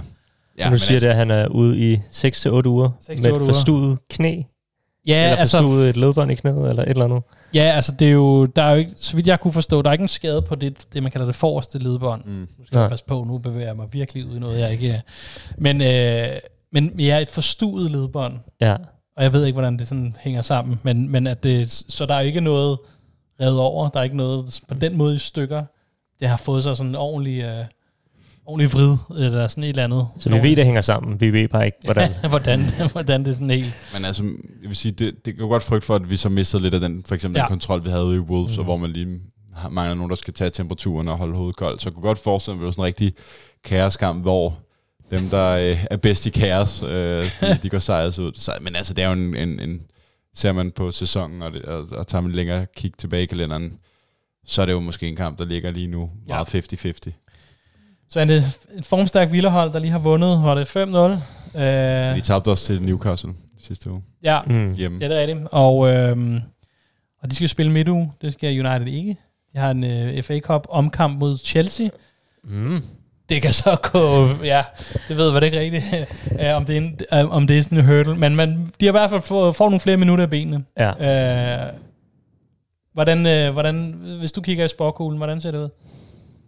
Jeg vil sige, jeg, jeg øh, nu kommer jeg til at fremhæve den skade til Martinez igen, men det var Ja. som at få en spand koldt vand Ja. i hovedet, og jeg gik fra at være sindssygt glad under den West Ham kamp, også fordi den kom efter en fantastisk mm. Wolverhampton-kamp, til virkelig at begynde at frygte for, hvilken tid der vi går i Ja. møde lige nu, fordi der er ikke nogen tvivl om, vi har været bedre på det seneste, og jeg synes, der er rigtig meget, der kunne tyde på, at en stor del af det skal tilskrives Martinez. Martinez. Martinez. Man kan håbe på, at der også er nogle andre faktorer i det, men, men jeg har sådan en fornemmelse af, at han er ikke bare en dygtig spiller, der er vigtig for os. Han er simpelthen han er, øh, altså en essentiel del af infrastrukturen på, på hele det her Ten Hag-projekt. Ikke? Altså han er, han er så vigtig for den måde, vi vil ja. spille på. Og i det øjeblik, vi misser ham, så er der bare nogle ting, vi som hold ikke længere kan. Mm. Og så er det, vi begynder at, at spille på en anden måde. Så jeg er virkelig bange for, hvad den skade får af konsekvenser. Ja. Ikke kun mod Villa, men, men for resten af sæsonen, sådan set. Ja. Øhm, Men man kan sige, forskellen er måske lidt, at, at der er ikke så mange stykker på de andre pladser. Altså sådan helheden på holdet, selvfølgelig er jeg helt enig. mm, Mega vigtig brik. Måske den, en af den vigtigste. mm, Øh, og det, det, vil altid, det vil altid have en påvirkning, når, han, Mm. når, når en så vigtig spiller går ud. Men um, jeg tror, at mange af de andre, det er lidt mere faldet på plads. Nu skal man jo så sidde vi vil håbe på, at der ikke, der ikke sker flere øh, skader den her sæson, men at Luke Shaw kommer tilbage, en Casimiro stille, siger det meget forsigtigt, stille Ja. og roligt, spiller. Men så ikke kigger der ondt i øjnene. Ja, nogenlunde. Ja, fordi jeg, jeg har skrevet tidligere op, da vi skulle snakke, øh, spillede han en god kamp, fordi jeg har set, øh, når man sidder og kigger på, på de forskellige Twitter-analyser der, jeg synes, folk var i hver sin lejr. Nogen sagde, at det, det var at holde op, at han er en vigtig spiller Hvilken i kamp af dem? de, seneste. Ja, nok mest den seneste med West Ham her. Jeg synes, han var god mod Wolves. Altså, der synes jeg Ja. også, at han kom vise noget af den gamle Casemiro. Ja. Øhm, øh, altså, det er jo det der med, at han har sin begrænsning i pasningsspillet, men jeg synes, at man begynder at se, at han også fylder ind omkring sekseren, Ja. øhm, og, og får lukket øh, nogle, nogle huller der. Øhm, men han er jo også lige kommet tilbage og skal, skal finde... Jamen, og han er jo, det er jo kendt, at han, eller er kendt, Mm. han skal jo gerne have nogle kampe, for ligesom at spille sig op i, Mm. op i gear, ikke? og det var lidt derfor, jeg sagde det på den Jeg måde. tror godt, at det kan blive godt, hvis, hvis det bare er den rigtige konstellation, og man bygger det op på den rigtige måde. øh, Ja. Fordi hvis ikke han er der, så tror jeg stadig, der er for stort et hul øh, centralt. Øh. Men det er også det, altså man kan sige, hvis, øh, nu har vi Dolo, som jo øh, forhåbentlig bliver ved med at være stabil, en Luke Shaw, som ser ud til at være nogenlunde tilbage, øh, en Varane, som kan spille venstre centerback, har vi fundet ud af. Øh, Maguire øh, skal måske også Mm. lige øh, have nogle kampe, men er også, altså sådan, så jeg tror min pointe er lidt, det, kan, det virker ikke helt lige så sårbart, Nej, som måske det har været. det håber du har ret i. Jeg synes bare også, der har været andre perioder, hvor jeg har siddet med fornemmelsen, at det kun har været Martinez, vi har manglet. Altså, hvor der har, Ja, ja. Hvor der har været sjov været tilbage. Der har vi haft de andre brækker, der har det været ham, der har været væk. Mm. Måske er det også, fordi jeg ikke helt tillægger Casemiro den samme vigtighed. Jeg Du er synes måske også, den anden grøft, som vi snakkede om. jeg, jeg tror i hvert fald, at i ja, der hvor jeg vil sige, at i det øjeblik Mason Mount er tilbage, der rører Casemiro for mig ud af startopstillingen, og vi er Okay. nødt til at finde en anden løsning men, til men sommer. hvem skulle så Yes. spille centralt? Altså kan Mount og Copy? Så vil jeg have Copy og Mount. Men det tror jeg bare... Sådan en omvendt pivot. Eller to. Jeg vil have de to. Jamen, jeg tror bare, at, at for mig at se... Jeg synes, Casemiro begyndte at gøre det godt mod Wolverhampton. Der var også situationer, hvor han blev sat alt for let, og så var der Mm. fri midtbane at løbe på. Altså, hvor der kan man godt mærke, at han, han har ikke den samme... Øh, At du er ikke tiltro til, at han spiller sig op i gear. jeg, jeg skal være ærlig, så tror jeg, at han er blevet for gammel. Jeg tror, han har svært ved det. Vi har ikke set ham ramme det niveau siden foråret sidste år. Det er snart et år siden. Vi har, okay, det er jo lidt en overdrivelse, men, men, Ja. øh, men det er deromkring. Ikke? Altså Ja. tre kvart år siden, vi har set ham virkelig præstere godt. Siden da har det set... Han lignede en spiller, der har været Han for har selvfølgelig gammel. været ude længere i den, i den periode. Ja, ja. Lang periode, ikke? Men der har bare ikke været noget tidspunkt i den periode, hvor han har set lovende ud. Defensivt er det begyndt at halde det. Offensivt har han det her med, at han kylder den ene bold væk efter den anden. Øh, jeg tror endda, det var Maino, der flere gange undervejs i kampen var nødt til at være sådan rolig nu. Casemiro, altså du bliver lige nødt til at øh, Slap lidt af. slappe lidt af. Ja. Øhm, og det er ikke fordi, jeg tror, at, at Mason Mount og Maino er den optimale kombination, men jeg tror, det er bedre, fordi Mount har ikke den samme fysik som Casemiro, men han har trods alt, han er en dygtig presspiller, mm. og Mm. han kan holde lidt mere i bolden, og jeg tror, Kobe Maino er dygtig nok defensivt, til det kan gå i de fleste kampe ja. i hvert fald. Øhm, det blev en helt anden retning, men, men det er bare, for, for mig at se, så tror jeg bare, Martinez er essentiel, og jeg tror, at han på mange måder er øh, forskellen på Mm. succes og fiasko lige nu. Ja. Jeg Ja. ved ikke, Dine, som du kan huske det, men, men øh, fordi vi snakkede om i sidste sæson, mm. der gjorde United det godt, og så lige omkring foråret, så begyndte det at falde ned efter, det var efter Liga Ja, Cup-finalen. Liga Cup-finalen. Mm. Faldt det sammen med Martinez' skade dengang? Mm, det var mere Casemiros øh, Nå, udvisning fra her. Tak for at udlægge Helmin. Sådan. Fordi Martinez var... Svante kan ikke sove i nat. Martinez var... Jo, mod Sevilla. Ja, det var længere senere. Det var midt april. Ja, og, okay. Så der var en halvanden måned, hvor... Men igen, der var mange ting. Der var også akkumulerede kampe og alle Ja, ja, ja. ting. Ikke? Øhm, Okay, fordi det, Martinez fik skaden midt april, slut april, tror jeg det var. Ja. Øhm, og jeg synes, vores niveau faldt markant efter 1. marts. Okay. Ish, Ja. ja. det argument dropper jeg. Øh, men, men, men jeg har bare sådan en... Altså, på Martinez' vegne er jeg virkelig glad for, at det ikke er en værre skade end det er. Ja, ja. Det er trods alt kun to måneder, og det er noget, der er forstået. Det er ikke noget, der er Ja, knækket. det siger efter landsholdspausen, som er i slutningen af marts. Ja, men øh, for United er jeg virkelig, virkelig bekymret for, hvad det kommer til at betyde, fordi det kan være forskellen på, om top 4 har nok været svært uanset hvad, men, men gjorde vi det godt resten af sæsonen, så Mm. mm. var der en mulighed for det. Den tror jeg let kan ryge med Martinez. Hvis den ryger, så får Ineos langt, langt sværere ved at skulle lave deres genopbygningsarbejde, fordi vi allerede nu kæmper med financial fair play. Sikrer vi ikke Champions League, så bliver opbygningsarbejdet sværere. Vi har før snakket om, at Ten Hag er på prøve lige nu. den kan også betyde rigtig meget for hans fremtid, mm. den her skade. Så, så jeg er virkelig nedslået over den her skade, mm. og hvad det kommer til at betyde for ikke kun resten af sæsonen, men også vores sommer, og også mm. projekter på sådan lidt længere sigt. Lidt længere sigt. Ja. Ja. Øh, ikke for at øh, ødelægge hele Ja, det var optimismen. se nu, Svante. Ja. Nu har du. Men, men f- f- Tak for så, øh, så, så jeg håber, vi vinder over Villa. men men, øh, men jeg, øh, jeg håber, vi viser, at vi kan klare os uden, men jeg har ikke særlig stor tiltro til det lige nu. Bare roligt. jeg, jeg, lidt tror, jeg, jeg, jeg tror, at øh, altså jeg tror 100% at, at selvfølgelig har skaden en indvirkning, og det er super Ja. synd for Martinez, og han er mega vigtig. Øhm, og der er ingen tvivl om, at med ham i denne sæson som helhed havde det været måske en lille bit smule bedre. Øhm, Svante synes meget, jo. ja, um, altså, Både lige gradbøj. måske vi havde expected øh, points på øh, mindre end, hvad hedder det, 10 i forskel. måske 5. Kun, øh, Måske fem, ja. Og plus Nej. en i målscore. Men der er ingen tvivl om, at han lignede den gamle Martinez i de her kampe, han er kommet ind. Ja, jamen, det betyder, at han tydeligt satte det givet, sjovt. ikke bare i, altså i spillet i fødderne, men også bare hans, hans inst, altså intensitet og hans vilje og så videre. Jeg ro på bolden, kontrol. Han Ja. har, han gaber så meget Øhm, kontrol i det hold. Jeg vil sige, nu kigger jeg bare lige hurtigt i, i kalenderen for, hvor meget det kan betyde. Altså, Villa-kampen bliver selvfølgelig en nøglekamp, også fordi de er en direkte konkurrent til top Mm. 4 og top 5. Øh, så har du Manchester City, hvor... Er der tror- er Luton tror jeg- indimellem, ikke? Jo, så, jamen, det er det, men det er bare svært kamp. Men ellers har du et ret overkommeligt kampprogram, hvis man... Hvad er overkommeligt for Manchester Jeg United? skulle sige, det er United, vi snakker om. 2024, men du har altså nogle hold, hvor man så siger, okay, med eller uden Martinez, der bør vi. Altså, det er nok de kampe, man vil vælge, hvis man siger, Ja. du skal spille hvad, otte kampe uden Manchester Martinez. City selvfølgelig, men altså Jo, den jo. tror jeg med Martinez, så tror jeg, han vil, vil have det, Det er svært. svært, ja. ja. Så har du Luton, Fulham, øh, så kommer der en FA Cup, Everton på hjemmebane og Sheffield på hjemmebane. Det er ikke det værste kampprogram Nej. at mangle Martinez i, og så er det så landskamp, og så er den måske tilbage. Ikke? Måske tilbage. Men, men det er selvfølgelig et slag. Øh, men jeg tror egentlig, det er, jeg tror ikke, at vi skal...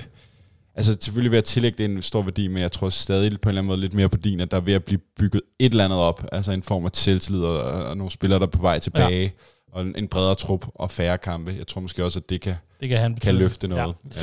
Jeg håber inderligt, I får ret. Og jeg tænker, at, at på den måde bliver Villakampen meget god, for det bliver en indikation på, fortsætter vi de her takter og de her tendenser, vi har set i de sidste par kampe, eller ligner vi lige pludselig United, United, yes. 2023 igen, ikke? Ja. Øhm, Ja, øh, jeg, jeg, jeg sad sådan, jeg tænkte, et, et eneste lyspunkt, fordi jeg er sådan, lige med Martinez, jeg, jeg, lige, jeg tror det er lige meget, hvornår han kom tilbage, ville tænke, er det for tidligt? Det spørgsmål, det nærer mig, Mm. i forhold til den øh, fodskade, han har haft. mm.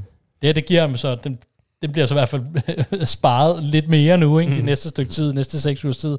Så, øh, så, så det er da i hvert fald et lyspunkt, at øh, han får lidt mere tid til at få helt styr på den der fod der. Så skal, om, om, om to måneder, så er det sådan, er det for tidligt med knæet? er det for tidligt med knæet? Jamen, det tror jeg altid vil, vil hænge her. Øhm, okay, men, men ja, det bliver spændende at se, hvem, også, hvem øh, han vælger at stille med. Fordi der er jo, vi ser Maguire tilbage. Men er det også lidt Det er jo kun for? Evans, der kan spille til venstre, Ja, så han er jo... Og, ja, okay, det skal jeg nok være med at sige. Hvad. øhm, jamen, jeg tror, vi, vi, vi nåede til bunden af min liste. Mm. Så Dines, øh, inden jeg giver den øh, Svante mikrofonen, og vi bare kan forlade mm. studiet, jamen, er der så noget, du, øh, du brænder ind med? Mm, ikke rigtigt. Nej. Svante, har du øh, fået rystet alle dine noter ud af ærmet? Ja, det tror jeg. Så har jeg lidt tænkt på, om der var et eller andet. Det kommer, når jeg nu er rundt af her om lidt. Ja, garanteret, jeg skal afbryde dig. Det er kun, ja, det er kun skal derfor, altid Det er kun derfor, du altid vender. Godt. Men øh, mens du tænker dig om, så kan jeg jo lige sige, at øh, I som altid kan følge os på alverdens sociale medier. Der er snart ikke det, det, det sociale medie, vi ikke er på. Facebook, Twitter, øh, Instagram, TikTok sågar. Øh, og du finder os ved at søge efter djævlene. Hvis der ikke er mere, så siger vi tak for nu, de her Rasmus Stines og Svane Vettergren. Selv tak. Det var hyggeligt. Det har været rigtig hyggeligt. Og øh, tak fordi I lyttede med herude, og vi er selvfølgelig tilbage i næste uge, hvor Svante har flere dommedagsprofetier. så øh, tak fordi I lyttede med, og vi lyttes ved.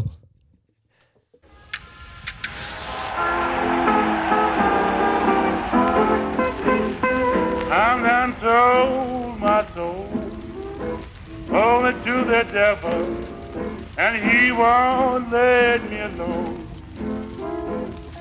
I'm done sold my soul only to the devil. My heart has turned to stone.